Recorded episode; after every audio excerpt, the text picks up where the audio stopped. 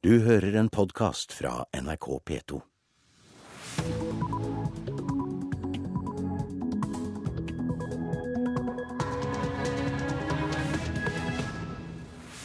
Velkommen til Nyhetsmorgen. Klokka er 6.30. Programleder i dag er Anne Jetlund Hansen, og dette er hovedsaker den neste halvtimen. Etter å ha sagt nei til redningsplanen fra Brussel, forsøker regjeringen på Kypros nå å lage en annen plan for å skaffe penger. Heroinen flommer inn til Norge, det skriver Aftenposten. Og Norge har fått en ny gruppe sjømatelskere, nemlig ungdom.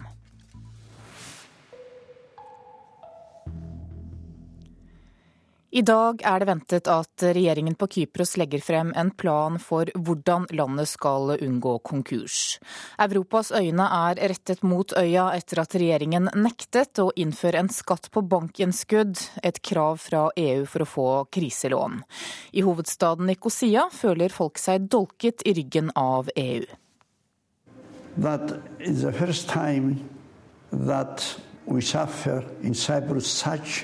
A situation. Barberhøvelen sveiper over kjakene til 84 år gamle Kostakis Plosio. På plass i skinnstolen hos sin faste barberer midt i hovedstaden Nikosia. Men nå er det hele landet som har fått kniven på strupen, ifølge Plosio. This is a humiliation. Unless you do this, you did wrong, so you have to pay. Dette er en ydmykelse, sier Plosio, og sikter til EUs krav om at Kypros må innføre en skatt på bankinnskudd for å få kriselån fra EU. En skatt som et samlet parlament avviste tirsdag kveld. Ferieperlen og finansmekkaet Kypros står brått på randen av konkurs. Etter å ha talt EU midt imot, har landets myndigheter nå vendt seg mot Russland med en bønn om kriselån som kan redde en skakkjørt økonomi. Men mange mener at EUs krav om en bankskatt har skapt kaos på øya, selv om Kypros sa nei. The damage is done. We don't know how much is this damage. We cannot quantify it at the moment. Skaden er skjedd. Vi skjønner ikke hvorfor dette ble håndtert på en så dårlig måte, sier Odysseas Christodolo, direktør i bank og regnskap ved Intercollege. 45% av økonomien på Kypros hviler på bank og finans.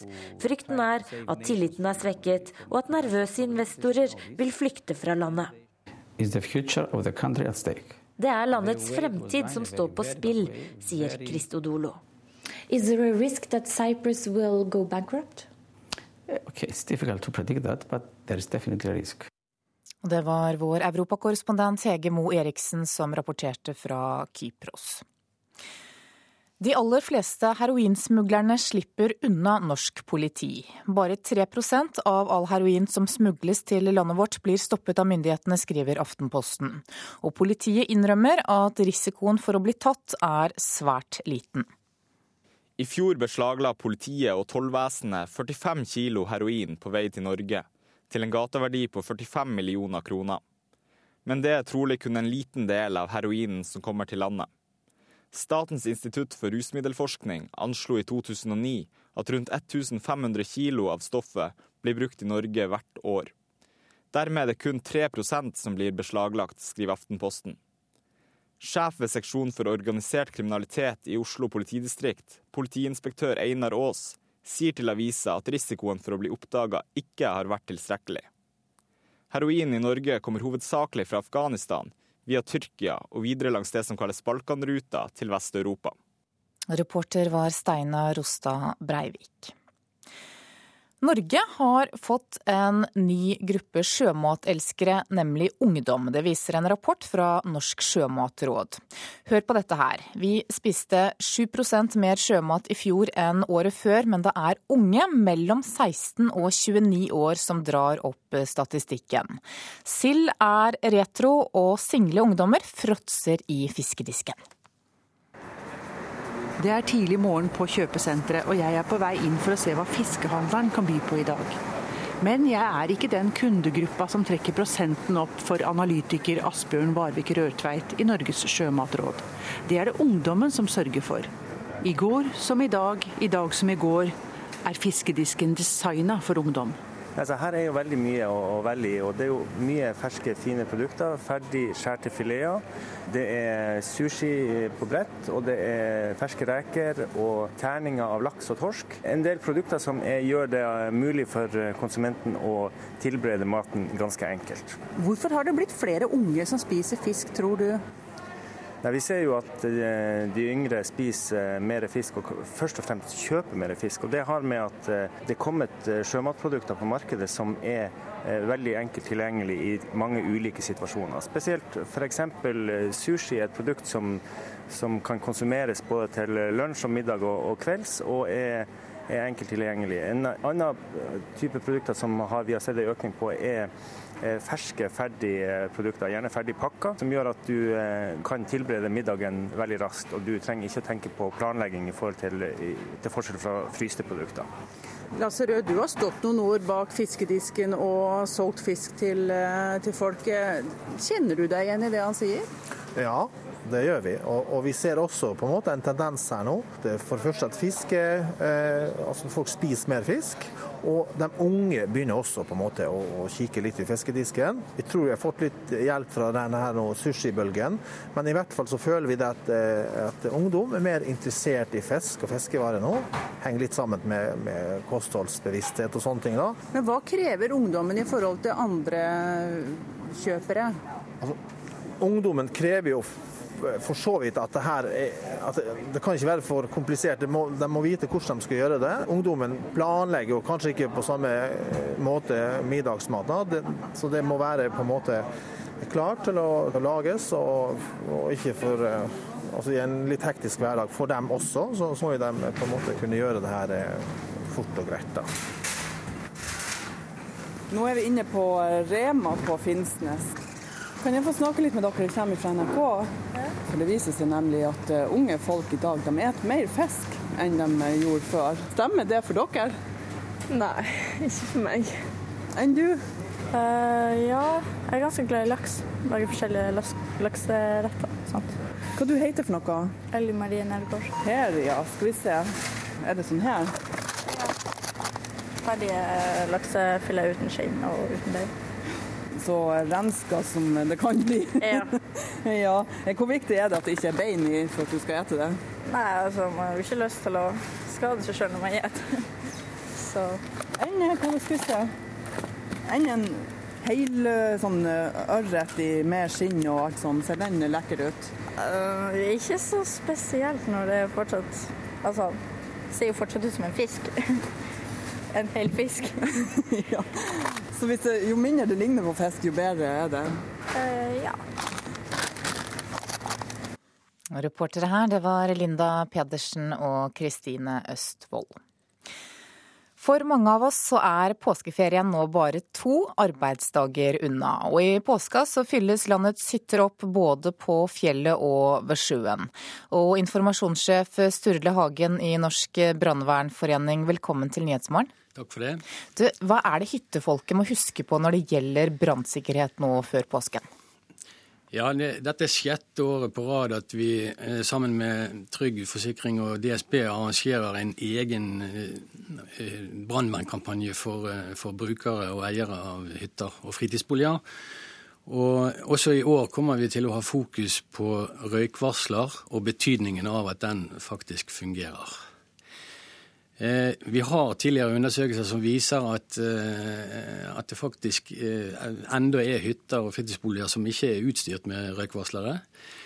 Og Et annet problem er at hyttefolk har en tendens til å glemme å skifte batteri og sjekke at røykvarsleren faktisk fungerer når de er på hytta. Mange hytter ligger jo langt unna alt og alle. Hvilken hjelp kan vi forvente oss dersom det begynner å brenne på hytta vår? Ja, som du sier, eh, en del hytter ligger eh, i god avstand fra nærmeste brannstasjon, og eh, i noen tilfeller også ulendt til. da. Og Da kan man faktisk ikke forvente rask hjelp fra brannvesenet, verken til evakuering eller slukking. Og Da er man på mange måter overlatt til seg selv. Så det betyr at vi må ta en del ansvar sjøl nå før vi drar på hytta? Ingen tvil om det. Eh, det gjelder om å hva skal vi si, vise brannvett på samme måte som man gjør i, når man er hjemme i egen bolig.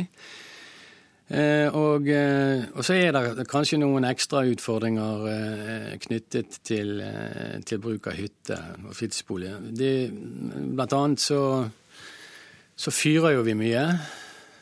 Hytte, og, og, påsken er jo også for mange synonymt med utstrakt bruk av stearinlys. Og dette er hva skal jeg si, ting som, som kan avstedkomme brann hvis man ikke viser aktsomhet. Du, du, har med deg noe som dere kaller for brannsikkerhet i boks. Hva er det for noe? Ja, I år eh, så får vi god hjelp av lokale brannvesen i de store hyttekommunene til å dele ut eh, en, en boks.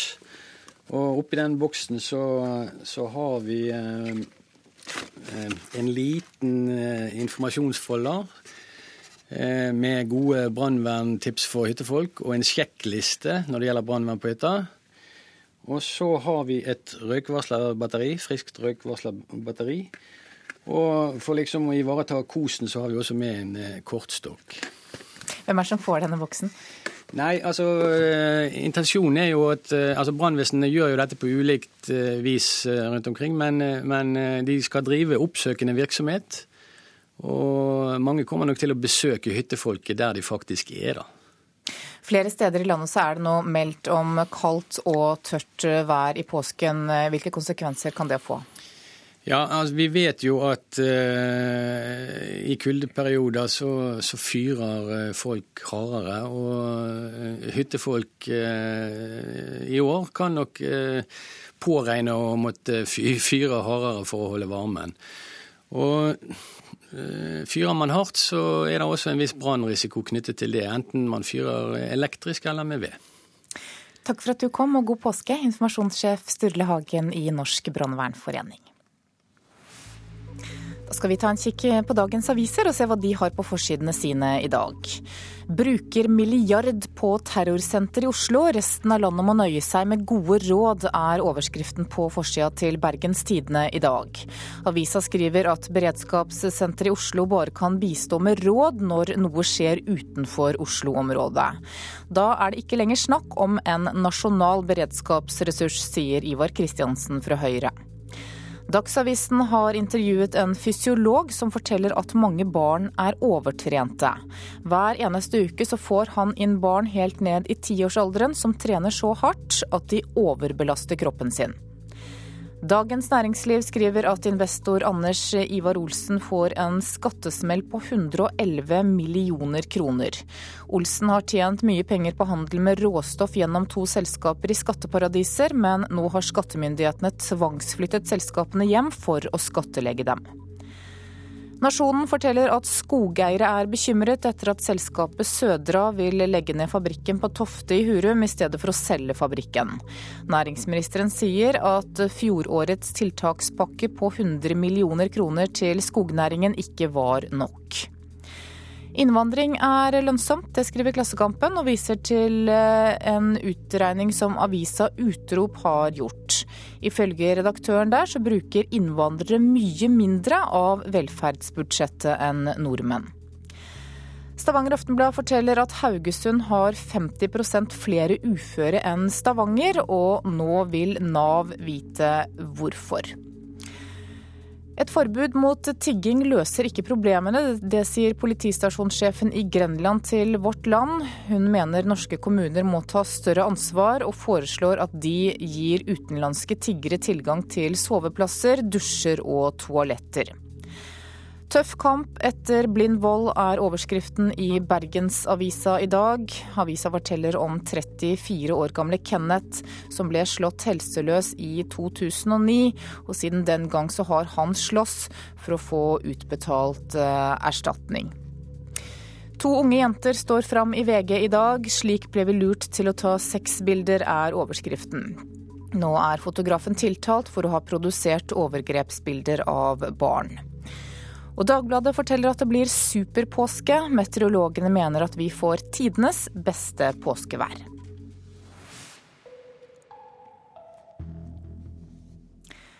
Skal vi ha sport her i Nyhetsmorgen.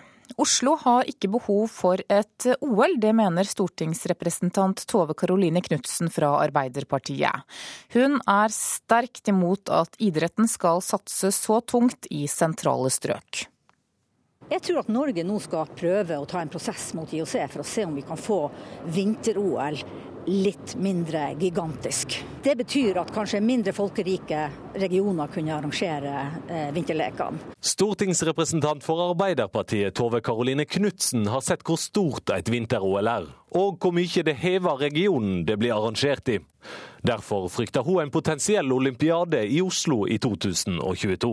Jeg tenker at det er galt å bruke så mange penger eh, her i Oslo, som er altså en den hovedstaden i Europa som vokser raskest, og som trenger penger kanskje til helt andre ting enn til et sterkt sentraliserende prosjekt. Og flere er enig med Knutsen.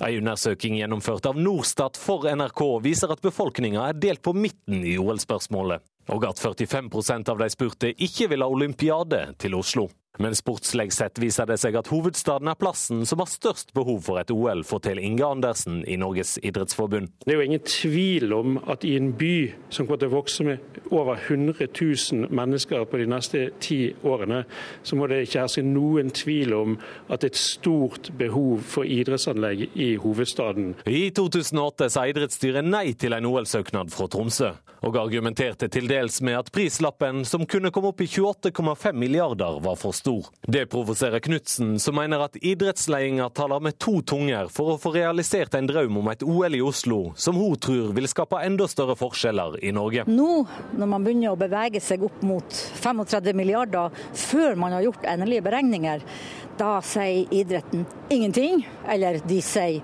ja, det er greit, det er ikke for dyrt.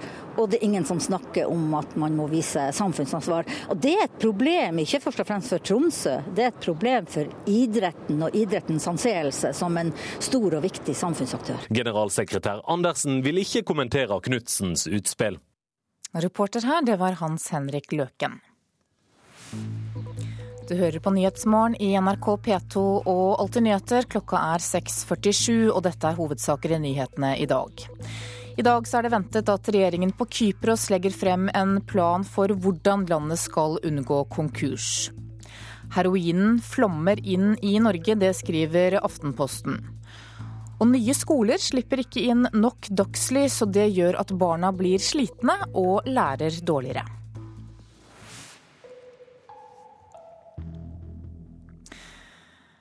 Nå skal det handle om eh, valgkamp. Høyre skal banke på dører, mens Arbeiderpartiet deler ut eh, roser. I en tid der sosiale medier blir en stadig større del av valgkampen, så vil de store partiene nå helst se deg i øynene for å få deg opp av sofaen på valgdagen. Kom fra Høyre. Det kommer fra Høyre, ja. ja, ja hei, Kari Aaberge har fått storfint besøk på trammen sin i et bustadfelt i Sogndal. Stortingsrepresentantene Jan Tore Sanner og Bjørn Lødemel smiler om kapp medan de spør hva hun er opptatt av. Jeg tenkte at det var litt mer sånn eh, reklame for Høyre når de først kom. Men det var ikke det? Nei. Og hva syns du om det? Nei, Da er det jo mer hyggelig, da. Kari er ikke den eneste som skal få besøk av blide Høyre-politikere. De har sett seg mål å banke på titusenvis av dører i valgkampen. På vei til neste hus forklarer Bjørn Lødemel hvorfor. Det er for at Høyre ønsker å møte velgerne. Og vi har det dette med dørbank som et, en viktig oppgave for å treffe folk. Og det er veldig kjekt. De siste åra har sosiale medier blitt løfta fram som valgkampmiddel. Men nestleder Jan Tore Sanner i Høyre har trukket på seg hansker og vinterfrakk framfor å sitte ved tastaturet denne dagen. Jo mer sosiale medier og jo mer som skjer på radio og TV, jo viktigere er det å være ute og treffe mennesker. Hvorfor det? Jo, fordi det er i møtet mellom mennesker at ting skjer. Eh, det er da man finner de gode ideene, det er der man får de gode innspillene. Så jeg syns det er kjempeviktig å være ute og treffe folk. I mange år har det som regel vært Arbeiderpartiet som har dukka opp på døra di med ei rød rose. Men nå skal altså Høyre gjøre det samme. Og det er ikke tilfeldig.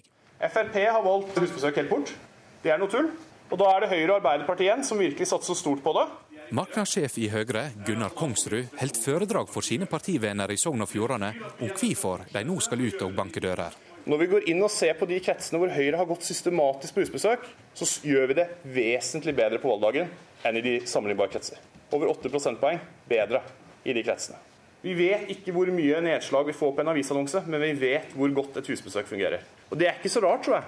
Fordi at da er vi der, og så snakker vi ikke om hva vi er opptatt av, men vi snakker om hva den velgeren er opptatt av, og vi får gitt dem informasjon. Og du husker et husbesøk lenger. En annen stad og et annet parti, men metoden likner. Med en favn full av røde roser står statsråd Rigmor Aasrud sammen med stortingsrepresentantene Tor Bremer og Ingrid Heggø fra Arbeiderpartiet utenfor en matvarebutikk i Førde. Jeg syns det er veldig kjekt. Og du får av og til en prat òg med hverdagsting som de er opptatt av. Men det er ikke bare lovord på gata.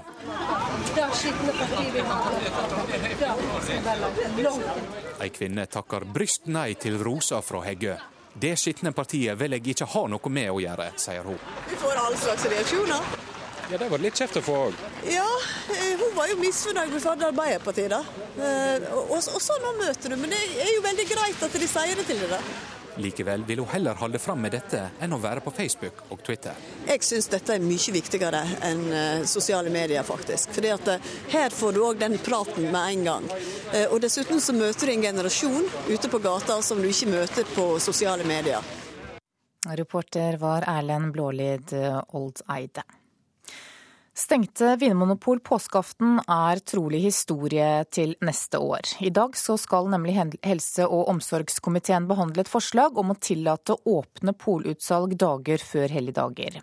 Forslaget får trolig ikke flertall denne gangen, fordi lovforslaget må sendes ut fra departementene på en høringsrunde, skriver Aftenposten.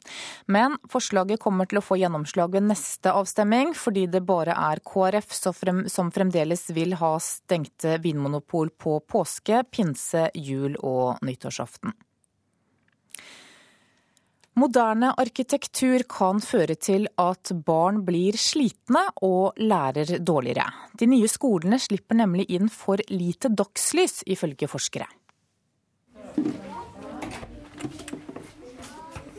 Du får jo lyset inn herfra, i hvert fall, så du får noe dagslys. Men dette er et eksempel på et av de rommene som du har minst eh, innlys i. Rektor Jon Myrlund viser fram et av de nyeste klasserommene på Tåsen skole i Oslo. Midt i bygget, uten vinduer mot naturen. Omgivelsene kan skimtes gjennom et vindu i det fjerne. Dagslyset kommer ovenfra gjennom en sjakt. Det er det kompromisset, hvis man skal kalle det, som, som har vært inngått for å få en totalløsning. Rektor synes det nye bygget utenpå det gamle fungerer godt. Men arkitekt Leif Hauk mener det er et typisk eksempel på et klasserom med for lite dagslys. Ja, Dette ligner jo en kompaktskole i den forstand at man plasserer rom midt inn i bygget, og så må man prøve å skaffe de lys. Det har man gjort her ved å bore et hull ned et atrie. Jeg håper jo at dette ikke er noen standard som vi er fornøyd med. Nye skolebygg er energieffektive, men de kvadratiske skolene går på bekostning av lyset, sier Hauk. Ved å lage dype rom og lite dagslys, så sparer du energi. Du får korte interne avstander, du får lite fotavtrykk av bygget på tomt, og du får større skolegård, får mer økonomisk bygg. Så alt er vel og bra med det. Bare ikke å være der over år og få lite dagslys. Mangelen på dagslys kan gå utover elevene, sier Einar Osnes, hovedverneombud i Utdanningsetaten i Oslo. Han har fått mange klager fra lærere og elever på nyere skoler. Det de klager på er at de ikke har dagslys, at de blir mer slitne av å ikke ha dagslys. At de ikke klarer å konsentrere seg så godt. Kravene til energisparende bygg har mye av skylden, mener Hauk. Byggeforskriften TEK10 som blir innført i 2010, krever bare 2% dagslys midt i rommet. Det er et minimumskrav. Og vi ser at i andre land som vi sammenligner oss med, så er det høyere. Østerrike 4-5% England har en anbefaling for skoler som går på 5% Det er Direktoratet for byggkvalitet som er ansvarlig for minstekravet til dagslys i den tekniske forskriften. Vi må ta hensyn til å prøve å få fram en hensiktsmessig helhet. Det sier direktør Morten Lie i direktoratet. For det første så er det, er det jo fritt fram å bygge bedre enn minstekravet. Eh, og for det andre så er det sånn at norske byggeregler stiller egentlig ikke detaljerte krav på de fleste områdene. Hauk mener vi må tenke på hva slags skoler vi tilbyr barna. Jeg tror det er på tide med en dialog om hva vi egentlig vil, og, hva, og hvorfor vi vil det. Det kan òg være at vi eksperimenterer med elevene våre. Reportere her var Ida Kvittingen og Pål Buseth. Bystyret i Bergen vedtok i går å selge 49% av aksjene i Bergen kino. Og vedtaket skjer til tross for at de nye eierne sier at de vil selge aksjene videre i løpet av få år. Opposisjonen frykter at kortsiktige eiere betyr mer kommersiell kino. Det er en trist dag for kulturbyen Bergen. Jeg syns det er veldig synd at byrådet går for denne løsningen her. De har visst hva vei det ville gå lenge. Men i går måtte Arbeiderpartiet, Venstre og de andre opposisjonspartiene i Bergen konstatere at nesten halvparten av aksjene i Bergen kino blir solgt. Det støttes av Fremskrittspartiet, Kristelig Folkeparti og Høyre og får flertall. Og da er saken ferdigbehandlet. Vedtaket ble i går klubba gjennom med 35 mot 32 røyster. Sjøl om de nye eierne til SF Kino AS vedgår overfor svenske Dagbladet at de har planer om å selge aksjene videre i løpet av få år. Nå blir Bergen kino en del av en gryende kommersiell europeisk kinokjede som har finansielle mål.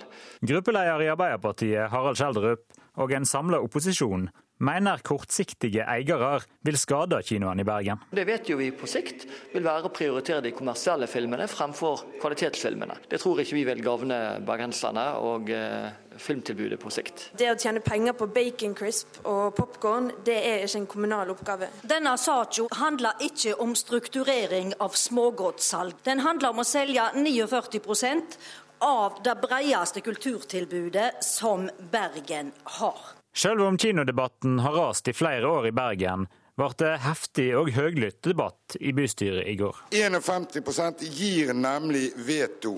Sånn er det også her. Ser ikke høyresiden hvilket kommersielt edderkoppnett som nå spinnes? Og ja, dette er en hurradag for Bergen kino. Det blir bedre kinotilbud for eh, de som går på kino. Kulturbyråd Gunnar Bakke fra Fremskrittspartiet ser det ikke som problematisk at selskapet som nå kjøper 49% av kinoaksjene, kan skifte eier igjen om få år. Et sånt marked som Kina drift, så er det ofte eh, markedet som, som rår.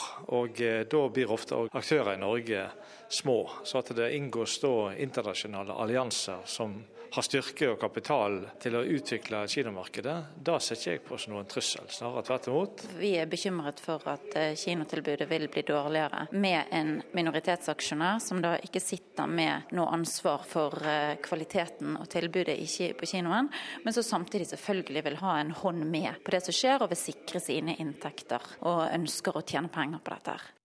Reporter var Sølve Rydland. Men nå skal du få et eh, værvarsel som gjelder til midnatt. Fjellet i Sør-Norge kan vente seg skiftende bris i dag, østlig opp i liten kuling i høyfjellet og stort sett pent vær. Østlandet og Telemark nordøstlig opp i frisk bris, opp i stiv kuling på kysten. Perioder med sol, men også litt snø av og til sør for Mjøsa. Agder nordøstlig opp i frisk bris, periodevis stiv kuling på kysten øst for Lindesnes. Skyet, litt snø særlig i kystnære områder. Fra i ettermiddag oppholdsvær og noe sol, men fortsatt mulighet for litt snø på kysten. Vestlandet sør for Stad østlig bris, liten kuling utsatte steder. Tidlig på dagen litt snø av og til i Rogaland. Etter hvert delvis skyet oppholdsvær, og senere på dagen pent vær. Møre og Romsdal østlig bris. Fra i ettermiddag frisk bris utsatte steder. Nordøstlig liten kuling på kysten av Nordmøre og pent vær. Trøndelag kan vente seg sørøstlig bris i dag. Stiv kuling utsatte steder. I ettermiddag liten kuling og for øvrig pent vær. Nordland østlig bris, liten kuling utsatte steder. Utover dagen frisk bris. I kveld opp i nordøstlig frisk bris i Vesterålen og stort sett pent vær. Troms østlig bris, dreiende nordøstlig på kysten opp i frisk bris. Enkelte snøbyger i Nord-Troms, ellers delvis skyet oppholdsvær. Kyst- og fjordstrøkene i Vest-Finnmark nordøstlig bris. I utsatte kyststrøk liten kuling. I kveld nordlig stiv kuling utsatte steder og enkelte snøbyger. Finnmarksvidda kan vente seg nordlig bris i dag. Fra i ettermiddag frisk bris utsatte steder. Enkelte snøbyger, vesentlig i nord. Øst-Finnmark nordøstlig liten kuling utsatte steder. I ettermiddag nordlig stiv kuling. I kveld sterk kuling omkring Vardø og snøbyger. Og på Nordensjøland på Spitsbergen skiftende bris og pent vær.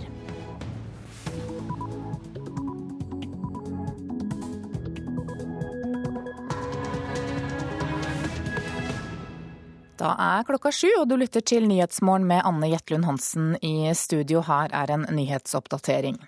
Stadig flere med alvorlige sykdommer blir behandlet privat via helseforsikring.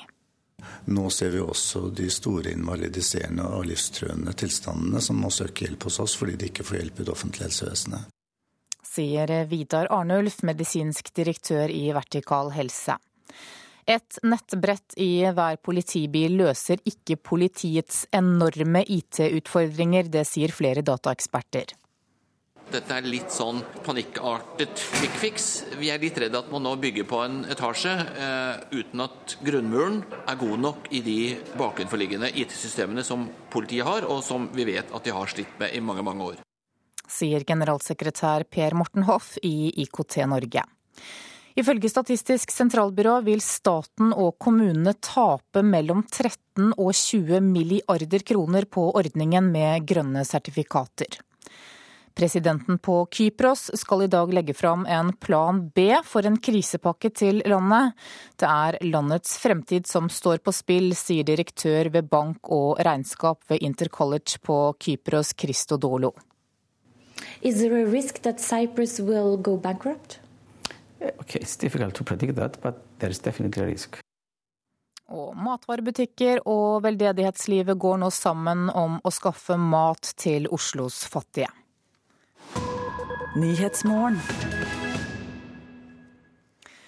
Alvorlige syke pasienter blir stadig oftere behandlet privat via helseforsikringen sin. Årsaken er at det svikter i det offentlige helsevesenet, det mener Vidar Arnulf, som er medisinsk direktør i Vertikal helse. Jeg mener at dette sier noe om at det offentlige helsevesenet nå ikke bare har et problem med ventetider og kapasitet, den har også et problem når det gjelder prioriteringer av pasienter. På viktige områder er det heller ikke god nok kapasitet, mener han. Det dramatiske mener jeg er at eh, kategorien pasienter har endret seg. Før var det bare eller stort sett muskel-skjelettsykdommer. Nå ser vi også de store invalidiserende og livstruende tilstandene som må søke hjelp hos oss fordi de ikke får hjelp i det offentlige helsevesenet. Det handler om hjerteoperasjoner, om kreft, om sykdom i mage og tarm. I fjor sendte Vertikal 50 personer til utlandet for å få gjort såkalt ablasjonsbehandling for hjertearytmi. 190 personer ble utredet for kreft. 20 av dem sendt til utlandet for behandling. Tallene er ikke store, men trenden er helt klar, mener Vidar Arnulf. Ja, det er selvfølgelig sånn at det vi ser er et, eh, et, lite antall, men det er likevel såpass stort. Vi hadde 19 000 pasienter i fjor, som gjør at vi er en indikator. Direktør for myndighetskontakt i If skadeforsikring, Elin Klakken, melder om samme utvikling. Så får vi også rapport fra våre kollegaer i Sverige og Danmark og Finland, som ryster på hodet over at vi i det hele tatt må bruke privat helseforsikring på kreftbehandling. Det forekommer ikke i de andre landene hvor vi har virksomhet. Men altså, det er flere nå enn før som har helseforsikring. Er det ikke logisk da egentlig at også flere med alvorlig sykdom bruker helseforsikringen? Det er jo en utvikling pga. at også det er flere som, som har helseforsikring. Men eh, vi har jo tross alt holdt på med det i mer enn ti år. Og det er bare nå de to siste åra at vi har sett at eh, helsekøene har eh, blitt såpass lange på alvorlige lidelser at, eh, at det blir brukt til det. Vertikal helse og If skadeforsikring er altså bekymret over utviklingen, fordi de mener den viser svikt i det offentlige helsevesenet. Statssekretær Robin Koss i Helsedepartementet er ikke bekymret. Nei, det skulle bare mangle at forsikringsselskapene hjelper eh, kundene de har mottatt eh, penger fra. Det som vi er opptatt av, eh, er å styrke det offentlige tilbudet. og Vi ser andelen av helsetjenesten som folk må betale for selv, den har gått nedover. Og helseforsikring utgjør under to promille av totale helsetilbudet i Norge. Reporter her var Katrin Hellesnes. Professor i helseledelse ved Høgskolen i Oslo og Akershus, Jan Grundt, velkommen til Nyhetsmorgen. Takk, takk. Du, hva syns du om at stadig flere bruker helseforsikringen sin til behandling av hjertesykdom eller kreft? Nei, På den ene side så er det jo som statssekretæren sier et lite omfang av dette sammenlignet med de store utbetalingene som er i den viktige forsikringsordningen som er folketrygden. På den annen side er det jo klart når disse forsikringsselskapene dokumenterer at det er så vidt alvorlige lidelser som nå øker en del, så er jo det noe man må ta på alvor i den forstand at man må liksom få litt klarhet i hvorfor de gjør dette. Om det er en svikt i det offentlige helsevesenet i Norge, eller om det egentlig er litt sånn urealistiske forventninger hele tiden å få utbetalt ting når man er, er, i vanskelige situasjoner. Så vet nok litt for lite om dette. Men jeg mener jo at det er et alvorlig tegn at det for så vidt er så vidt alvorlige sykdommer som hjerte-karsykdommer, kreft, mage, tarm, nevrokirurgi. En del lidelser som tidligere man ikke etterspurte sånne tjenester til. Da. Ja, hvorfor er det alvorlig? Nei, for Dette er jo ting som det offentlige helsevesenet i hovedsak burde ta, ta seg av. altså. Men så er det spørsmålet om hva er det egentlig som ligger bak disse, denne veksten vi nå har sett. Det vet vi for lite om hvilke typer pasienter dette helt konkret er, da, og hvorfor de er i den situasjonen. Det er jo klart at Når de har tegnet seg en forsikring, så, de, så blir man jo selv desperat hvis man kommer i en sånn sykdomssituasjon. Så på en sånn måte så kan man godt forstå pasienten at de gjerne vil komme seg fortest mulig frem i alle mulige køer. Ja, Hvis jeg hadde hatt en slik helseforsikring, så ville jeg gjerne brukt den hvis jeg hadde blitt hjertesyk eh, eller fått eh, kreft. Så det er vel ganske naturlig, egentlig. Ja, det, det, er jo forståelig. Alle tenker jo på helsa vår, og kan vi få et bedre tilbud, så vil vi hver enkelt av oss gjerne gjøre dette. Men hvis man ser i den store målestokk, så er det jo fremdeles et, et lite tall. Altså, så det er, det er jo viktig å ikke bli altfor bekymret av dette. Det er en naturlig trekk i vår tid at vi vil etterspørre det som er aller viktigst for oss, som er ting som har med vår egen helse å gjøre. Du, Hvem er det som kjøper slike helseforsikringer? Det er jo mye, De er sikret gjennom arbeidslivet, så det er jo eh, den jobben du ofte har som er avgjørende. 90% av de som har forsikring, har jo fått den gjennom eh, arbeidslivet. Så det er jo et gode som eh, mange arbeidsgivere gir sine ansatte. Og man må jo se det i den forstand også at de syns det er fint å komme raskest mulig ut av kø for å komme tilbake på jobb fortest mulig også. Du, Vi hørte Vertikal Helse her peke på lange ventetider og dårlig prioritering som en årsak til denne veksten. Hva tror du? Ja, Det er vanskelig å vite. Det er klart det har vært en del i Helse Sør-Øst og en del som har stått på køer i Oslo universitetssykehus og sånt, som jeg, når jeg så litt på disse tallene eh, på, på, på, nettet der. Så litt kan det vel være i det. Og det har jo vært store problemer for så vidt i en del av disse store Oslo-sykehusene at det har vært en del pasienter som nok har, har, har søkt her av, av, av den grunn. Men igjen, det er et lite tall, altså, så statssekretæren har jo helt rett i det. Av disse utbetalingene så var det vel i fjor 0,14% som gikk til disse private forsikringene. Så sammenlignet med den store folketrygden, så er det jo, er jo fremdeles et lite tall. Men hva bør det offentlige helsevesenet gjøre da for å møte denne tendensen? Nei, og De må skjerpe seg hele tiden. Og Det er jo det som er utfordringen. dette, At du må hele tiden bli bedre med det du gjør. Og helse er jo det viktigste velferdsgodet vi har. Så det er en stor utfordring til alle de som leder og styrer norsk helsevesen, at eh, dette tallet bør, bør, bør ikke øke, sånn den trenden vi har sett de senere årene. Takk for at du kom til Nyhetsmorgen, professor Jan Grundt eh, ved Høgskolen i Oslo og Akershus. Et eh, nettbrett i hver politibil løser ikke politiets enorme IT-utfordringer. Det sier flere dataeksperter. I går ble det kjent at regjeringen gir penger til nettbrett for å styrke politiets beredskap. Sirener og dagens utstyr er ikke nok. Nå skal landets politibiler forsterkes med nettbrett til 10 millioner kroner. For lite og for puslete, mener bransjeorganisasjonen IKT Norge. Dette er litt sånn panikkartet quick fix. Vi er litt redd at man nå bygger på en etasje eh, uten at grunnmuren er god nok i de bakenforliggende IT-systemene som politiet har, og som vi vet at de har slitt med i mange, mange år. Og generalsekretær Per Morten Hoff får langt på vei støtte fra lederen av Stortingets justiskomité. FrPs Per Sandberg. De, de, de, skal investere i nettbrett til politiet. Og Det her har man ikke noe forutsigbarhet i det hele tatt i forhold til de utfordringene vi har på IKT-sida. IKT Norge er ikke imot nettbrettene i seg selv.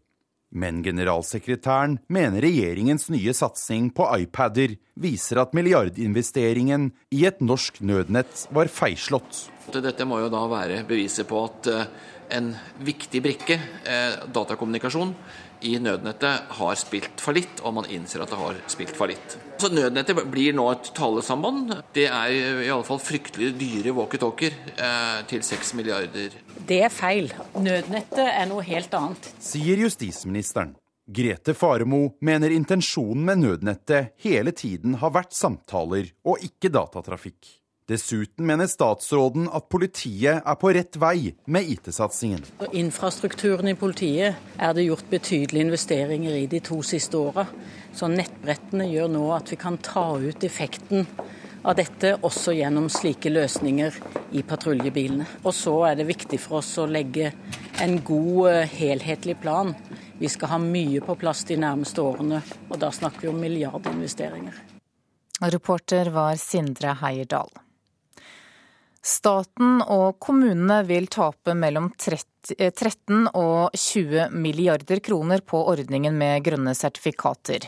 Det sier fagdirektør Torstein By i Statistisk sentralbyrå. Han mener ordningen gjør at det blir bygd ut masse ny elektrisk kraft som det ikke er bruk for. Her har han vært på topp i mai 2011, og så har han gått jevnt og trutt nedover. Diagrammet framfor markedssjef Rune Redi i Sunnfjord Energi peker rett ned. Og nå opplever kraftbransjen at framtidsprisene holder seg lave. Årsaken er de såkalte grønne elsertifikatene. Enorme mengder ny fornybar energi skal inn på kraftmarkedet fram til 2020. Og Det problematiske med det er at uh, prisen vil være så lav at den vil ikke forsvare kostnadene ved denne utbyggingen. Eh, og Det andre er at eh, regningen ved utbygging av de nye fornybare vil havne hos eksisterende kraftprodusenter. Sier forskningsdirektør i Statistisk sentralbyrå Torstein By. Sammen med professor Eirik S. Amundsen ved Universitetet i Bergen har han sett nærmere på effekten av de grønne sertifikatene. Målet med ordninga var utbygging av ny fornybar energi som skulle erstatte kål, olje og andre fossile brensel. Forbrukeren skulle betale i form av et tillegg til kraftprisen. Men nå ser prisene ut til å bli så lave at det i realiteten er kraftproduksjon uten grønne sertifikat som må betale i form av langt dårligere inntjening. Når disse kraftselskapene som er i markedet i dag taper penger, så betyr det at eierne av disse kraftverkene, som er staten og kommunene, taper penger. Og dette er ganske betydelige beløp. Vi har anslått at et sted mellom 13 og 20 milliarder kroner i 2020. Eh, og Omtrent halvparten av dette er kommunene, og halvparten er staten. Det er litt på private hender, men sånn røftlig kan man si det halvparten på hver av de. Fredrik Berens er sjef for Sunnfjord Energi, et kraftselskap eid av Sunnfjord kommuner og BKK i Bergen. Årlig har selskapet betalt mange millioner til eierne. Nå forventer Berens magre år framover, og så er det sertifikatordninga som slår inn. Ja, det er helt klart. Eh, sertifikatmarkedet har betydning for det. Og når man begynte å kunne regne på hvordan hvordan dette virket. Prinsippene har vært kjent lenge, men når man kunne regne på det, så slo det inn i de langsiktige kraftprisene. Men det skjedde jo da samtidig med at kullpriser og CO2-kvoteprisene, altså kostnaden for å drive kullkraftverk, sank kraftig. Men selv om selskapet hans må være med på å subsidiere den nye produksjonen, er han ikke sammen med By i at utbyggingene er unødvendige. Han håper krafta blir tatt i bruk på nye områder. Men vi må jo være litt optimister når det gjelder det, for lav kraftpris er jo smøring på, på den økonomiske virksomheten. Det var brei semje om elsertifikatordninga da den ble vedtatt i Stortinget. Leder i energikomiteen Erling Sande fra Senterpartiet har vært en varm forsvarer for ordninga. Han kjøper ikke argumentasjonen fra forskerne om store inntektstap for stat og kommuner. Ja, Da er ikke det regnestykket fullstendig, etter min mening. For vi vet at stat og kommune de er også en stor del av de som bygger ut denne fornybare krafta og får grønne sertifikat. Altså de eier i kraftselskap som får høste godt av, av denne subsidien da, for å få fornybar kraft. Og vi vet at stat og kommuner og også innbyggere er, er forbrukere av kraft. Og lave priser på kraft, eller, eller rimelige priser på kraft, det vil jo gi eh, oss en overkommelig strømregning, men det vil jo også eh, redusere driftsutgiftene for stat og kommune. Reporter var Lars Petter Degnepoll. Snart går seks av ti kroner som vi bruker på dagligvarehandel til lavpriskjeder. Aldri før har nordmenn handlet så mye hos de store matkjedene, skriver Stavanger Aftenblad. I fjor handlet vi dagligvarer for 148,1 milliarder kroner. EFTA-domstolens overvåkningsorgan ESA mener at det norske forbudet mot bonus på flyreiser er ulovlig. I går sendte ESA et varsel til Norge om at dette forbudet ikke er lov, skriver Finansavisen. Regjeringen står likevel på sitt, og det ser nå ut til at saken må avgjøres i EFTA-domstolen. SAS har trosset det norske forbudet og gjeninnførte i februar flybonus på jobbreiser i Norge, og nå venter de på at staten skal snu, eller at Norge taper saken, slik at de også kan innføre en slik bonus på privatreiser. Klokka er 7.15. Du hører på Nyhetsmorgen i NRK P2. Dette er hovedsaker i dag. Flere og flere med alvorlige sykdommer blir behandlet privat. Et nettbrett i hver politibil løser ikke politiets enorme IT-utfordringer, sier dataeksperter.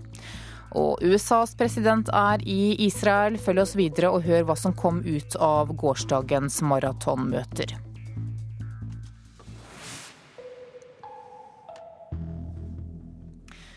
Men først nå så skal vi til kriserammede Kypros. Presidenten på Kypros skal i dag legge fram en plan B for en krisepakke til landet etter at nasjonalforsamlingen sa nei til å innføre skatt på alle bankinnskudd. Skatten var en betingelse for at Kypros skulle få hjelp fra EU og Det internasjonale pengefondet. Og europakorrespondent Hege Mo Eriksen, du er på Kypros. Hva vet du om innholdet i denne nye plan B? Foreløpig så vet vi ikke så veldig mye, annet enn at regjeringen i dag skal bestemme seg for en plan B. President eh, Anastasiades eh, har sagt at man er nødt til å komme opp med en redningsplan for landet.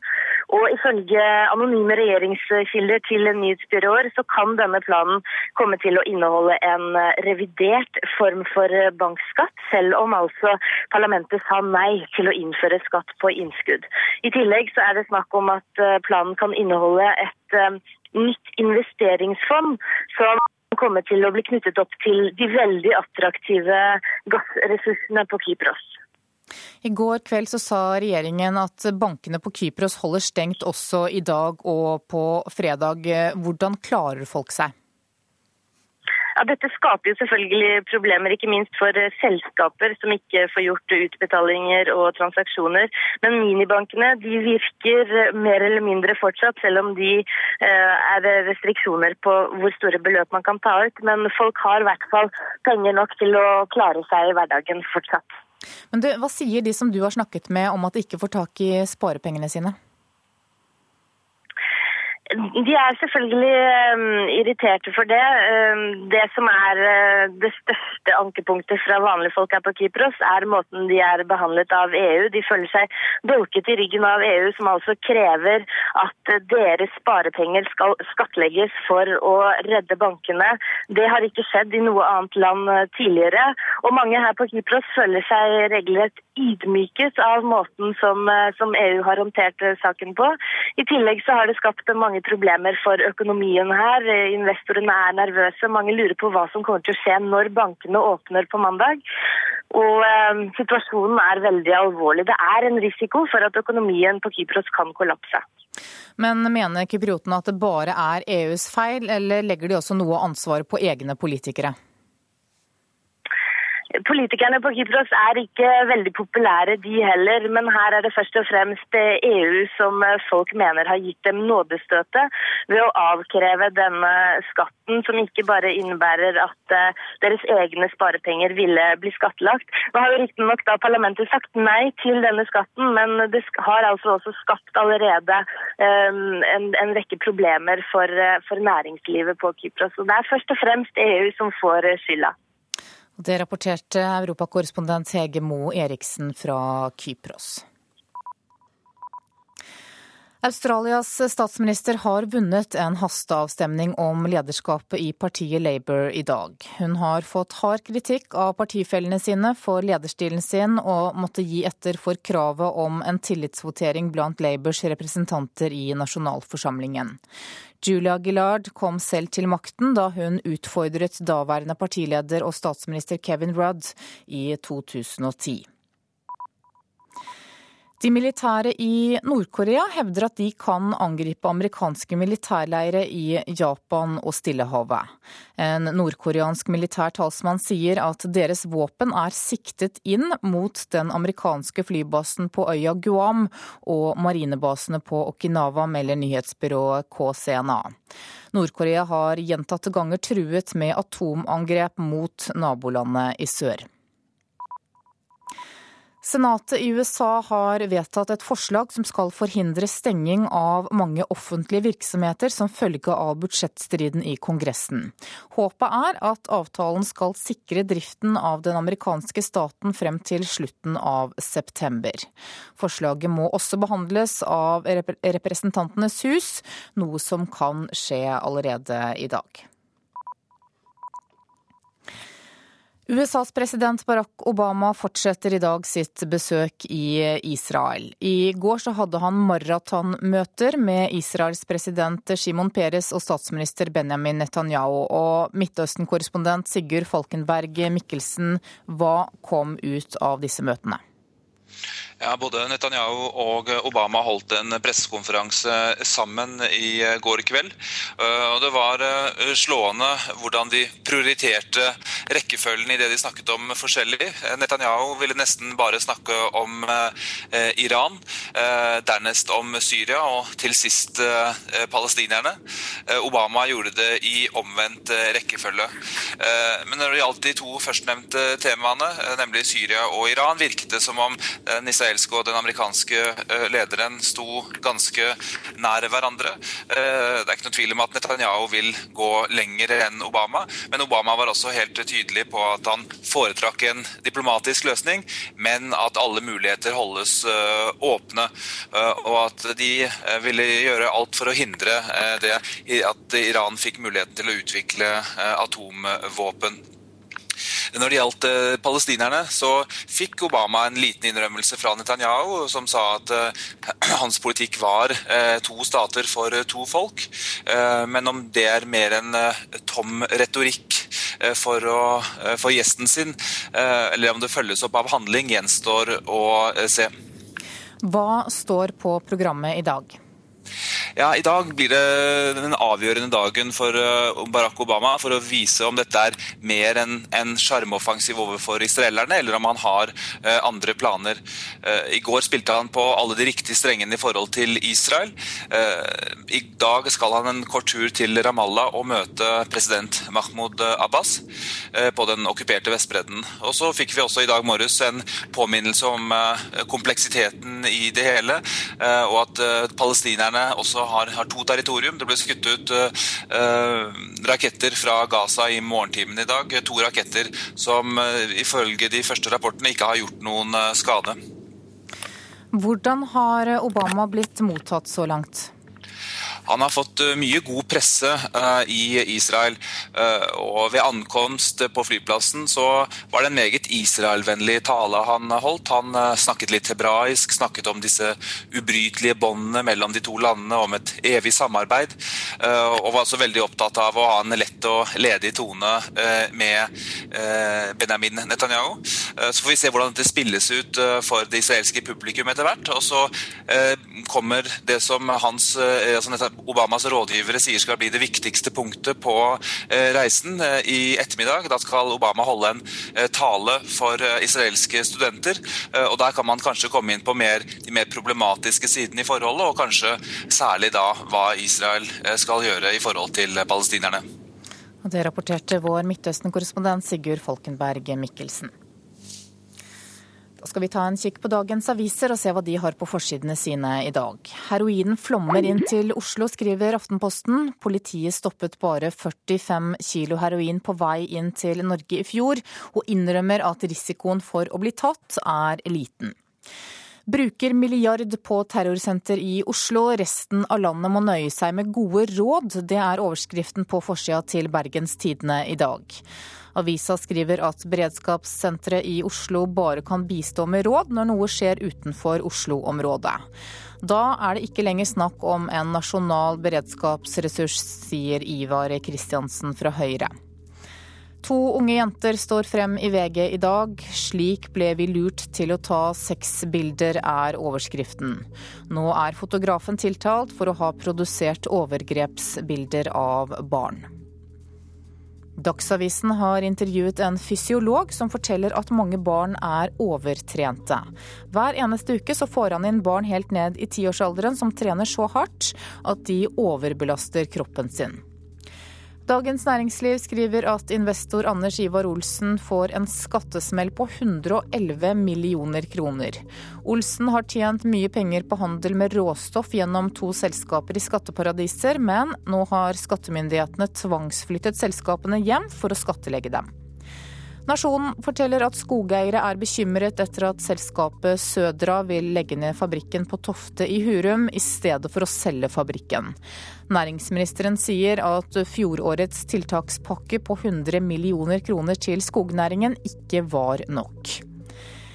Innvandring er lønnsomt, det skriver Klassekampen og viser til en utregning som avisa Utrop har gjort. Ifølge redaktøren der så bruker mange innvandrere mye mindre av velferdsbudsjettet enn nordmenn. Stavanger Aftenblad forteller at Haugesund har 50% flere uføre enn Stavanger. Nå vil Nav vite hvorfor. Et forbud mot tigging løser ikke problemene, det sier politistasjonssjefen i Grenland i Telemark til Vårt Land. Hun mener at norske kommuner må ta større ansvar, og foreslår at de gir utenlandske tiggere tilgang til soveplasser, dusjer og toaletter. Og Dagbladet forteller at det blir superpåske. Meteorologene mener at vi får tidenes beste påskevær.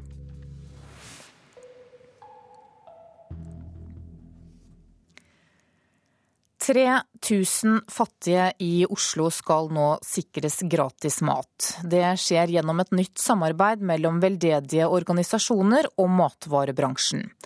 Bedre lagring og distribusjon gjør at maten som samles inn, holder seg lenger.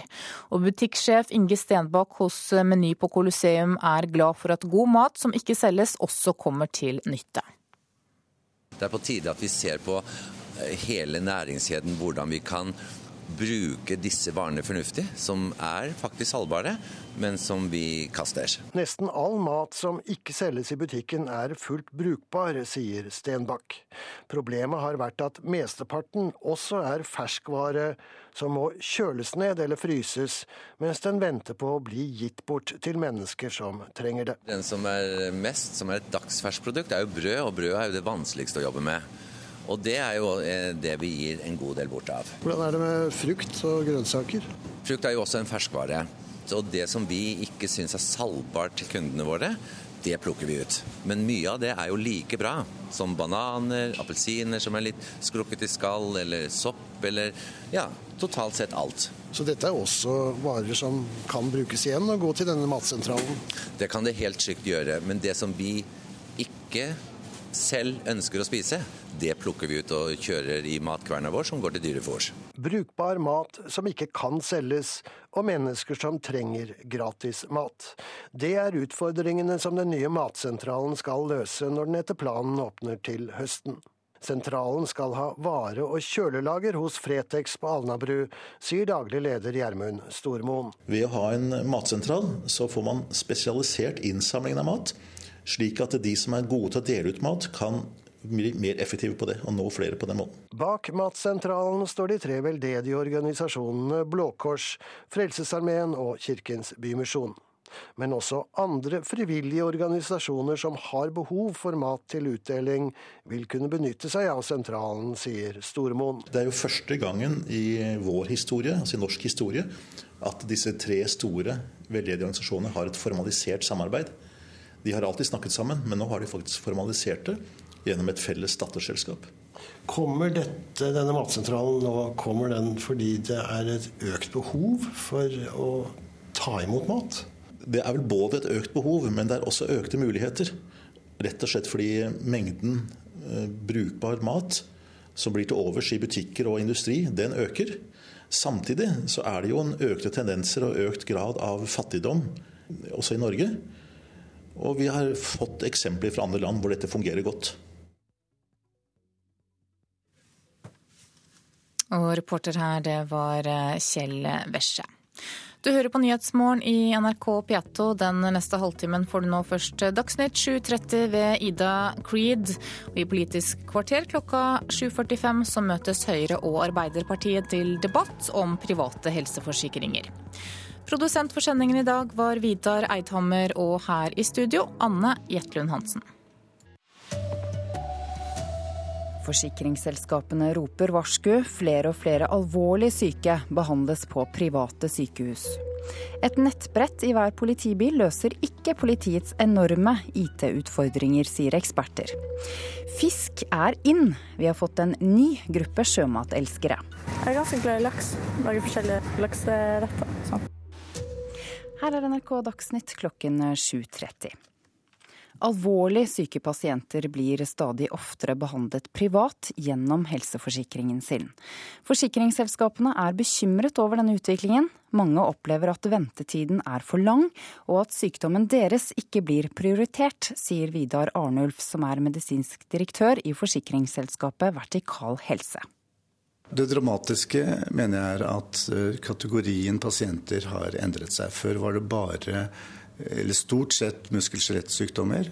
Nå ser vi også de store invalidiserende og livstruende tilstandene som må søke hjelp hos oss fordi de ikke får hjelp i det offentlige helsevesenet. Det handler om hjerteoperasjoner, om kreft, om sykdom i mage og tarm. Stadig flere pasienter søker hjelp privat. Tallene er ikke store, men trenden er helt klar, mener Arnulf. Jeg mener at dette sier noe om at det offentlige helsevesenet nå ikke bare har et problem med ventetider og kapasitet, den har også et problem når det gjelder prioriteringer av pasienter.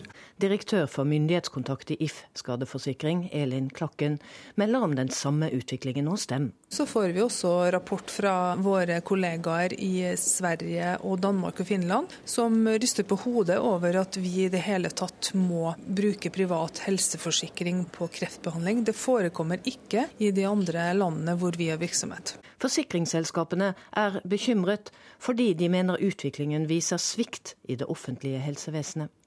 Men statssekretær Robin Koss i Helsedepartementet er ikke bekymret. Nei, det skulle bare mangle at forsikringsselskapene hjelper eh, kundene de har mottatt eh, penger fra. Andelen av helsetjenesten som folk må betale for selv, den har eh, gått nedover. Og helseforsikring utgjør under to promille av totale helsetilbudet i Norge. Reporter Katrin Hellesnes. Professor i helseledelse ved Høgskolen i Oslo og Akershus, Jan Grundt. Hvor alvorlig er det at stadig flere altså bruker privat forsikring til å bli behandlet for eh, alvorlige sykdommer som hjertesykdom og kreft? Nei, Tallet er jo fremdeles lite, men vi må hele tiden prioritere. Og det er jo de samme ting man egentlig tok opp i Lønning 1-utvalget for nesten nå nærmere 30 år siden. At det alltid er sånn at det er en ubalanse mellom det folk ønsker og det vi klarer å levere. Det som er litt alvorlig nå, er jo at det er stadig vekk mer kompliserte pasienter som man hadde trodd det var godt nok tilbud til i det offentlige, som kommer i disse køene. Og det er en alvorlig sak. Ja, hva bør de offentlige helsemyndighetene gjøre for å snu denne utviklingen? Nei, De må bli stadig flinkere til å prioritere de mest krevende lidelsene. Og så må man hele tiden organisere og lede og styre sykehusene på en bedre måte. Slik som for helseministeren har lagt opp i sine ti bud til norske sykehus. Så det illustrerer jo at det er en veldig krevende sak å få norske sykehus til å fungere på en god måte. Og vi har jo vært gjennom vanskeligheter her i hovedstadsområdet med Helse Sør-Øst-prosessen. Og jeg ser at en del av disse pasientene som har kommet her, er jo pasienter som har kommet fra denne regionen her. Takk for at du kom i studio, professor i helseledelse ved Høgskolen i Oslo og Akershus, Jan Grundt. En iPad i hver politibil er ikke løsningen på politiets store IT-utfordringer. Det mener dataeksperter, som reagerer på regjeringens forslag om å utstyre politiet med nettbrett. Sirener og dagens utstyr er ikke nok. Nå skal landets politibiler forsterkes med nettbrett til 10 millioner kroner. For lite og for puslete, mener bransjeorganisasjonen IKT Norge. Dette er litt sånn panikkartet quick. Vi er litt redd at man nå bygger på en etasje eh, uten at grunnmuren er god nok i de IT-systemene som politiet har, og som vi vet at de har slitt med i mange, mange år. Og generalsekretær Per Morten Hoff får langt på vei støtte fra lederen av Stortingets justiskomité. FrPs Per Sandberg. De, de, de, skal investere i nettbrett til politiet. Og Det her har man ikke noe forutsigbarhet i det hele tatt i forhold til de utfordringene vi har på IKT-sida. Men justisminister Grete Faremo mener IT-satsingen er på rett vei. Så infrastrukturen i politiet er det gjort betydelige investeringer i de to siste åra. Så nettbrettene gjør nå at vi kan ta ut effekten av dette også gjennom slike løsninger i patruljebilene. Reporter her var Sindre Heierdal. Bare 3% av heroinen som smugles til Norge blir stoppet av politiet. Det skriver Aftenposten i dag. I fjor beslagla politiet 45 kilo heroin, men Statens institutt for rusmiddelforskning anslo i 2009 at hvert år brukes rundt 1500 kilo av stoffet i Norge. Politiet sier smuglerne åpenbart føler seg trygge på ikke å bli tatt. I dag er det ventet at regjeringen på Kypros legger frem en plan for å unngå konkurs. Europas øyne er rettet mot øya etter at regjeringen nektet å innføre en skatt på bankinnskudd, et krav fra EU for å få kriselån. I hovedstaden Nikosia føler folk seg sviktet av EU. That is the first time that we suffer in Cyprus such a situation. Barberhøvelen sveiper over kjakene til 84 år gamle Kostakis Plosio. På plass i skinnstolen hos sin faste barberer midt i hovedstaden Nikosia. Men nå er det hele landet som har fått kniven på strupen, ifølge Plosio.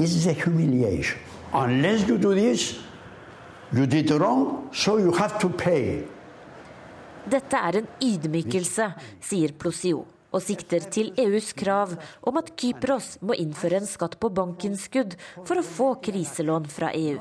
En skatt som et samlet parlament avviste tirsdag kveld.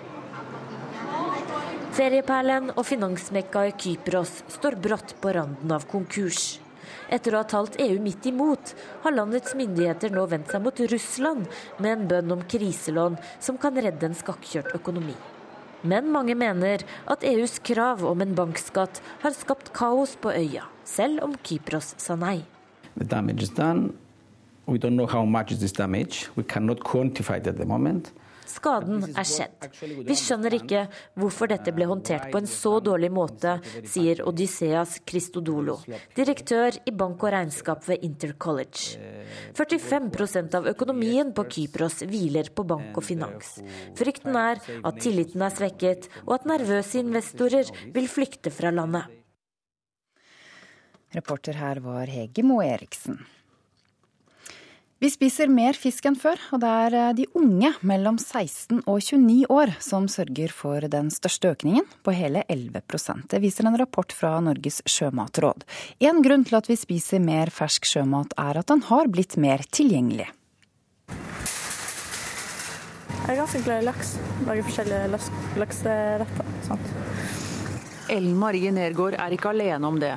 For nå er trenden klar, ifølge Norges sjømatråd. Unge kjøper og spiser mer sjømat nå enn noen gang før. Ja, vi ser jo at eh, de yngre spiser mer fisk, og først og fremst kjøper mer fisk. Det sier konsumentanalytiker Asbjørn Varvik Rørtveit. Undersøkelsen han snakker om omfatter 1500 husholdninger og avdekker at vi alle spiser mer fisk dvs. Si 40 kilo fisk rund vekt i året. Men det har altså skjedd noe ekstra med de unge mellom 16 og 29 år. Det har med at eh, det er kommet eh, sjømatprodukter på markedet som er eh, veldig enkelt tilgjengelig i mange ulike situasjoner. Spesielt f.eks. sushi er et produkt som, som, kan konsumeres både til lunsj og middag og, og kvelds, og er, er enkelt tilgjengelig. Reportere Kristine Østvold og Linda Pedersen. Så fotball, bare seier er godt nok for Norge mot Albania. Det mener både landslagssjefen og kaptein Brede Hangeland, som tror vi bare kan glemme å kvalifisere oss direkte til VM hvis det blir poengtap på Ullevål i morgen. Eh, alt annet enn tre poeng syns jeg vil være en skuffelse. Klar tale fra kaptein Brede Hangeland og landslagssjef Egil Olsen før VM-kvalifiseringsmøtet med Albania i morgen. Uavgjort er ikke godt nok om Norge skal vinne gruppa og kvalifisere seg direkte til mesterskapene i Brasil neste sommer. Poengtap mot Albania, så, så tror jeg liksom da, da, fokuset på å vinne gruppa, den, eh, om ikke han blir helt borte, så, eh, så forsvinner den nesten. Sier Egil Olsen. NRKs fotballekspert Karl Petter Løken mener landslaget legger lista i riktig høgde, sjøl hvor motstanderen også vet å plukke poeng. Albania er ikke dårlig, den. De har eh, seks poeng på sine fire kamper. Det er bare ett poeng mindre enn det Norge har. De har vunnet to og tapt to kamper. Men klarer vi å opptre med normal entusiasme og det du kan forvente av hver enkelt, så tror jeg vi kommer til å slå Albania. Men å bare vinne med knapp margin er gjerne ikke godt nok, når målet er å trone øverst i gruppa helt til slutt, mener Drillo. Vi, vi stopper ikke å spille for dem vi skulle ta ledelsen. For all del, vi vet at målforskjellen kan bli viktig. Reporter Hans Henrik Løken. Ansvarlig for sendingen Anne Skårseth, teknisk ansvarlig Beate Haugtrø, i studio Ida Creed.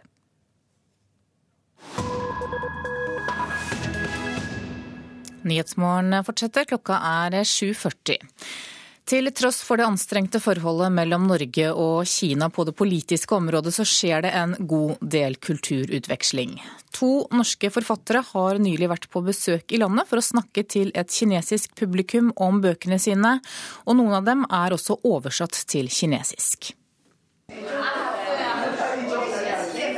Studenter i ivrig samtale før timen begynner. På kinesisk, som egentlig er forbudt her, for det skal læres norsk i dette klasserommet ved Beijing universitet for fremmede språk. Tidligere har Erlend Lo vært på besøk.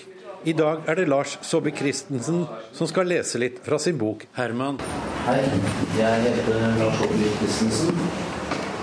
Jeg er forfatter. Hver av de kinesiske studentene har fått et norsk navn som de skal bruke i klassen. Norsk, norskklassen heter jeg Ingrid. I norskklassen så heter jeg Vidar. Det er veldig spennende, for de to er veldig berømte i Norge, som vi vet. Har du lest noe av disse to forfatterne? Uh, ja, uh, jeg har lest 'Naiv Subur', 'Naiv Subur' og litt av Herman.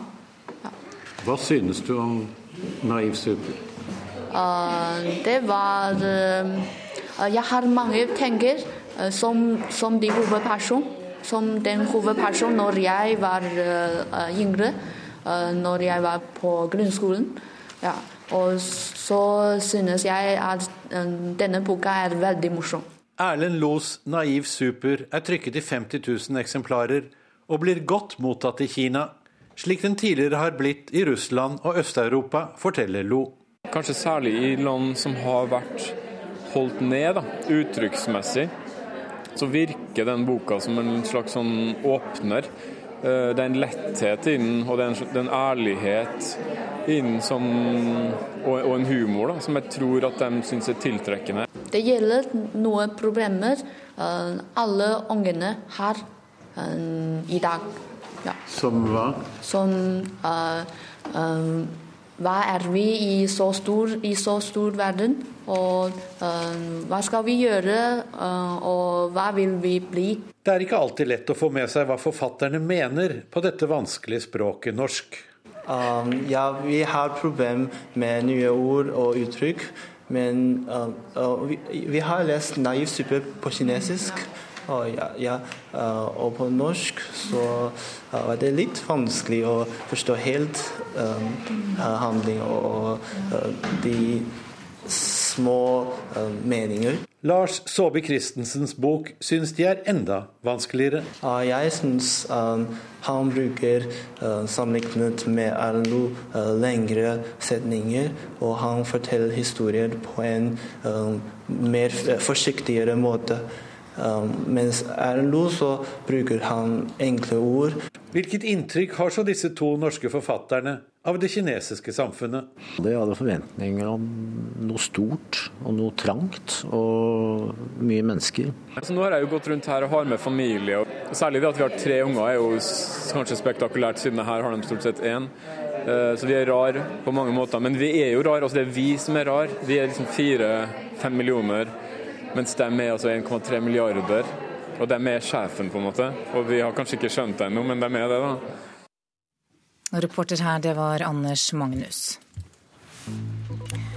Klokka er 7.44. Dette er hovedsaker i Nyhetsmorgen. Alvorlig syke pasienter blir stadig oftere behandlet privat gjennom helseforsikringer. En iPad i hver politibil er ikke løsningen på politiets store IT-utfordringer, sier dataeksperter. Og vi spiser mer sjømat, og det er ungdommen som står for den store økningen. Og helseforsikring det er tema også i Politisk kvarter i dag, programleder Bjørn Bø. Hvordan er helseforsikring del av striden om privat og offentlig helsetjeneste, spør vi. Og er integreringspolitikken god eller dårlig? Det diskuterer Stortinget i dag.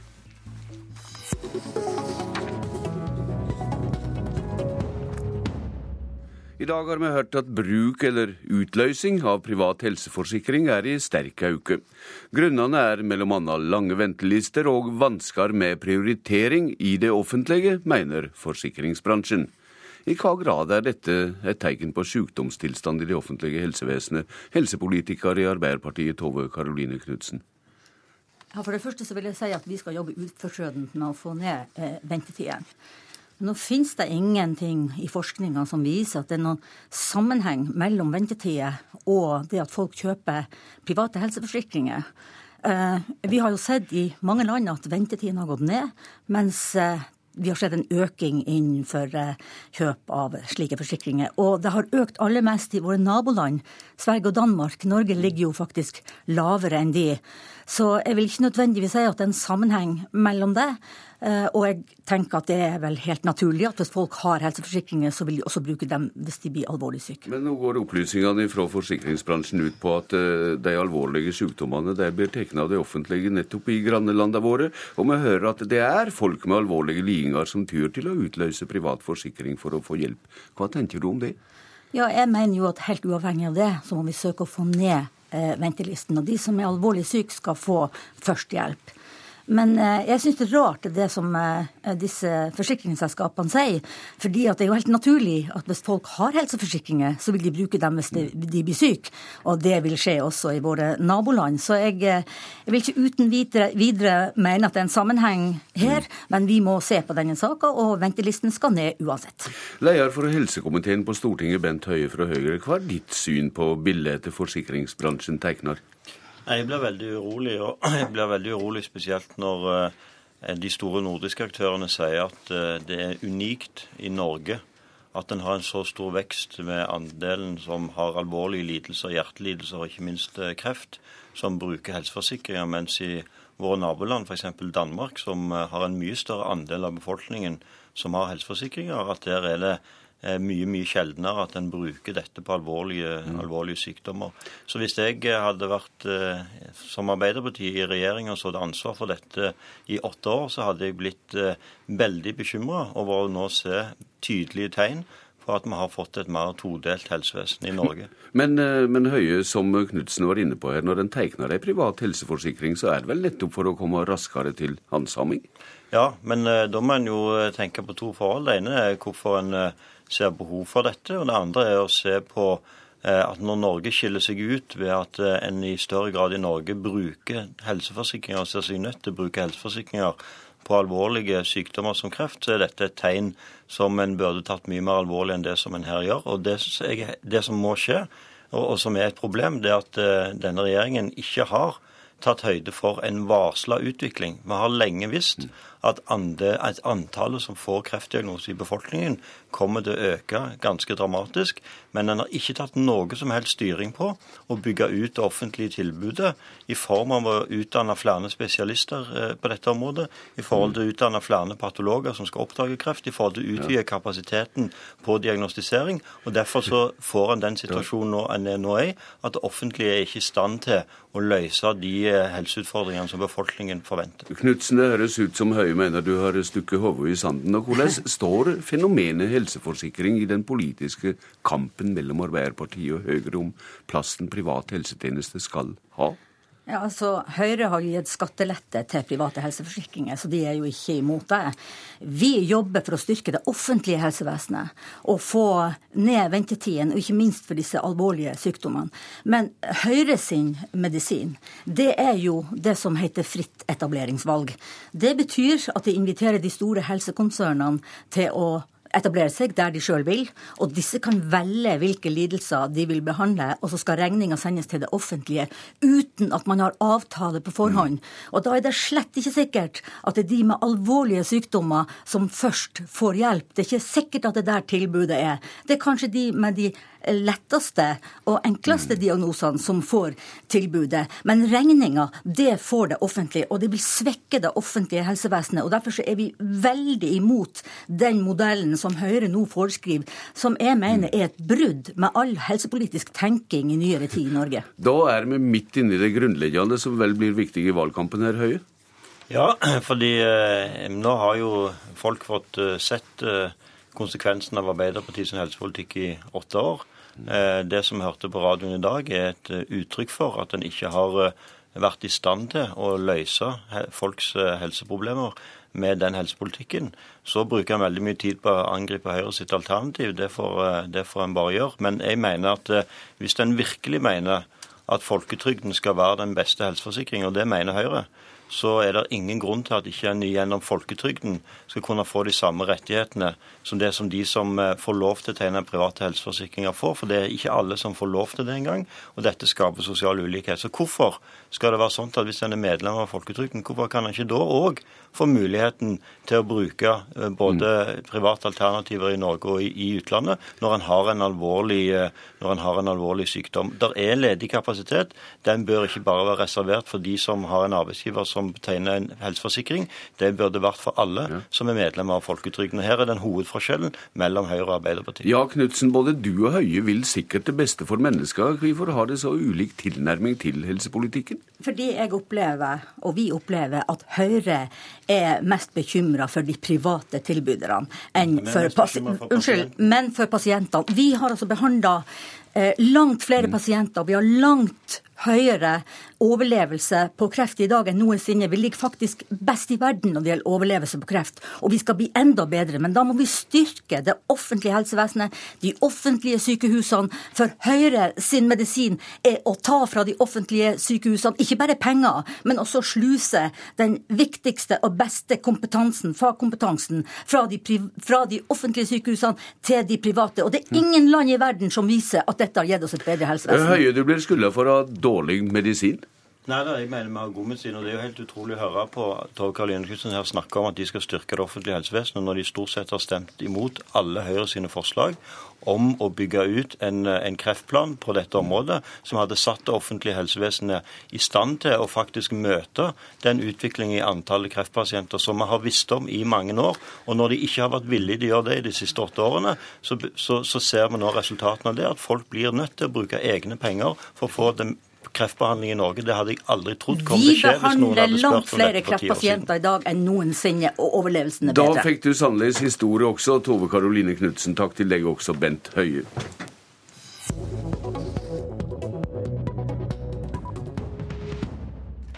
I dag håndterer Stortinget regjeringas integreringsmelding, og det går dårlig med integreringa på mange felt, mener Fremskrittspartiet, som har en serie med egne framlegg om å skjerpe krav til norskkunnskaper, om eksamen i samfunnskunnskap for å få statsborgerskap, og om hardere tiltak mot omskjæring, for å nevne noe.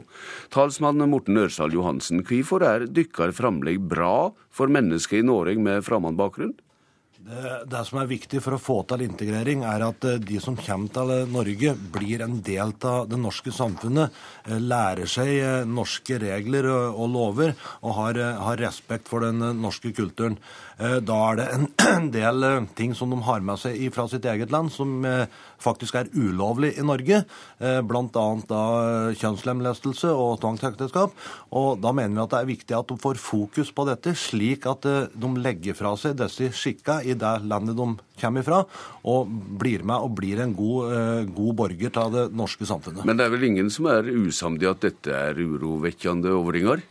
Nei, jeg håper da ikke det. Altså, nå har eh, Arbeiderpartiet òg vært eh, frampå og, og foreslått lignende. Eh, de hadde jo et integreringsutvalg Arbeiderpartiet, som har lagt fram lignende forslag. Men problemet med Arbeiderpartiet er at de ikke gjennomfører. Denne integreringsmeldinga den inneholder utrolig mange ord, men veldig lite handling. Håkon Haugli fra Arbeiderpartiet, det må vel erkjennes at mellom annet så er sysselsettinga låg blant folk med fremmed bakgrunn, så Fremskrittspartiet har gjerne et poeng i sin integreringspolitikk? uh, Ehm, både ja og nei. Ehm, det er viktig å si altså vi baser, Hele meldinga er basert på en grunnleggende oppfatning om at alle som kommer til Norge, både har plikter og rettigheter. Ehm, det er riktig at en del innvandrergrupper har lavere sysselsetting enn en, en resten av befolkningen, men det er viktig å minne om at arbeidsledigheten blant innvandrere i Norge er lavere enn arbeidsledigheten blant alle svensker i Sverige. Så Det aller viktigste vi gjør for god integrering, det er å føre en politikk som gjør at det etableres bedrifter og folk får jobb. Og det gjør regjeringen. Og arbeid er det aller, aller viktigste integreringsverktøyet vårt. Så jeg bare si til Morten Ørsdal Johansen, altså dette inntrykket eh, Frp prøver å skape at vi ikke tør ta debatten om det som er vanskelig, det er jo bare tøys. Altså Vi diskuterer jo knapt noe annet i norsk integreringsdebatt enn det som ikke fungerer. Og det minner Frp oss på. og Jeg må bare si at det, jeg syns det er en underlig tilnærming til en helhetlig integreringsmelding å fremme 13 forslag om kjønnslemlestelse og seks forslag om noe annet. Eh, dere har til sammen 19 forslag i dag. 13 av dem handler om kjønnslemlestelse.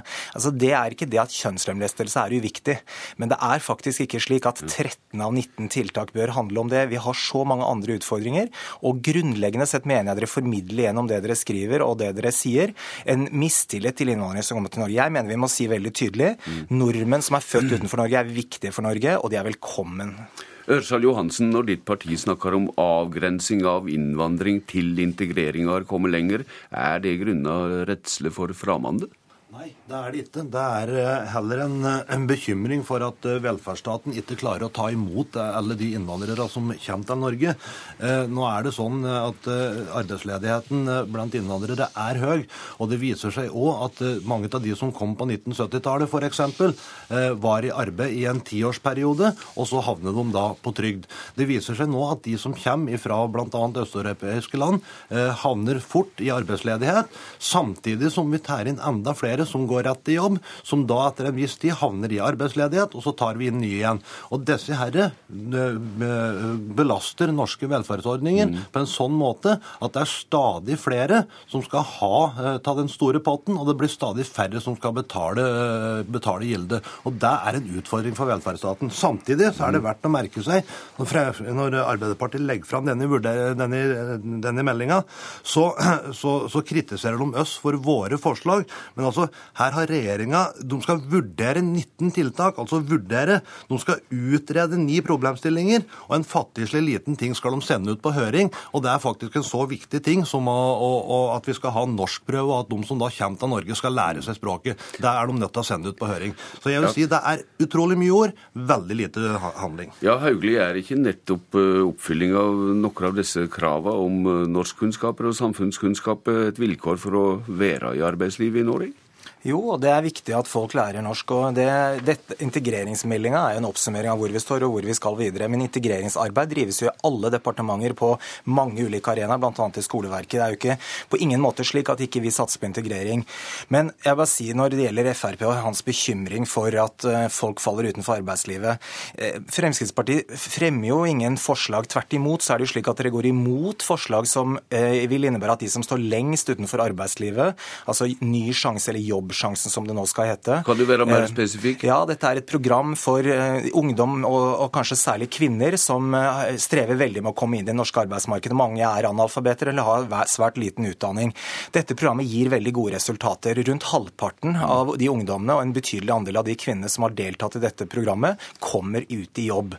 Vi, Regjeringen foreslår å styrke programmet. Vi faktisk firedobler bevilgningen til dette programmet, nettopp fordi vi mener det er viktig at alle har mulighet til å delta i arbeidslivet. og Dette går Fremskrittspartiet Fremskrittspartiet imot. Og I tillegg er de med på å opprettholde kontantstøtten, som bidrar til at kvinner holdes utenfor arbeidslivet. Altså Det er én ting retorisk å være opptatt av at folk skal være i arbeid, og en annen ting er jo da Det er jo en helt inkonsekvent holdning å da gå imot alle tiltak som faktisk går, bidrar til at folk kommer i arbeid. Går integreringa bra, syns du? Ja, det syns jeg vi må si. Det er Hva? mange utfordringer med integrering, men hovedbildet er at det går veldig bra med Hva integrering i Norge. Hva sier du, Ørsal Johansen, om det? Eh, mye av integreringa går brukbart, men vi har en del utfordringer. Og Arbeiderpartiet og regjeringa nekter konsekvent å ta tak i de utfordringene uh, som vi har. Og Derfor så kommer vi heller aldri videre med å få et godt integreringsarbeid i Norge, så lenge, så lenge vi ikke har konkrete tiltak. Er ditt mål at alle skal bli mest mulig like? Nei, mitt mål er at alle skal kunne bli en god, en god bidragsyter i det norske velferdssamfunnet. Altså, hel, selvfølgelig er vi enige i at det er utfordringer med, med integrering, men eh, det, den grunnleggende holdningen må jo være at ting går bra, fordi det gjør det. 12% av alle sysselsatte i Norge har innvandrerbakgrunn. 14% av alle som er i privat næringsliv. Det vil, er jo helt meningsløst. Jeg forstår ikke hvorfor ikke Fremskrittspartiet kan være med på å si at disse menneskene er, gjør et viktig bidrag til Norge. De er viktige, og de er velkommen til å være her. Det holder fram med dette ordskiftet i Stortinget klokka ti i dag. Takk til dere, Morten Ørsal Johansen og Håkon Haugli. Politisk kvarter er slutt. Jeg heter Bjørn Bø. Du har hørt en podkast fra NRK P2.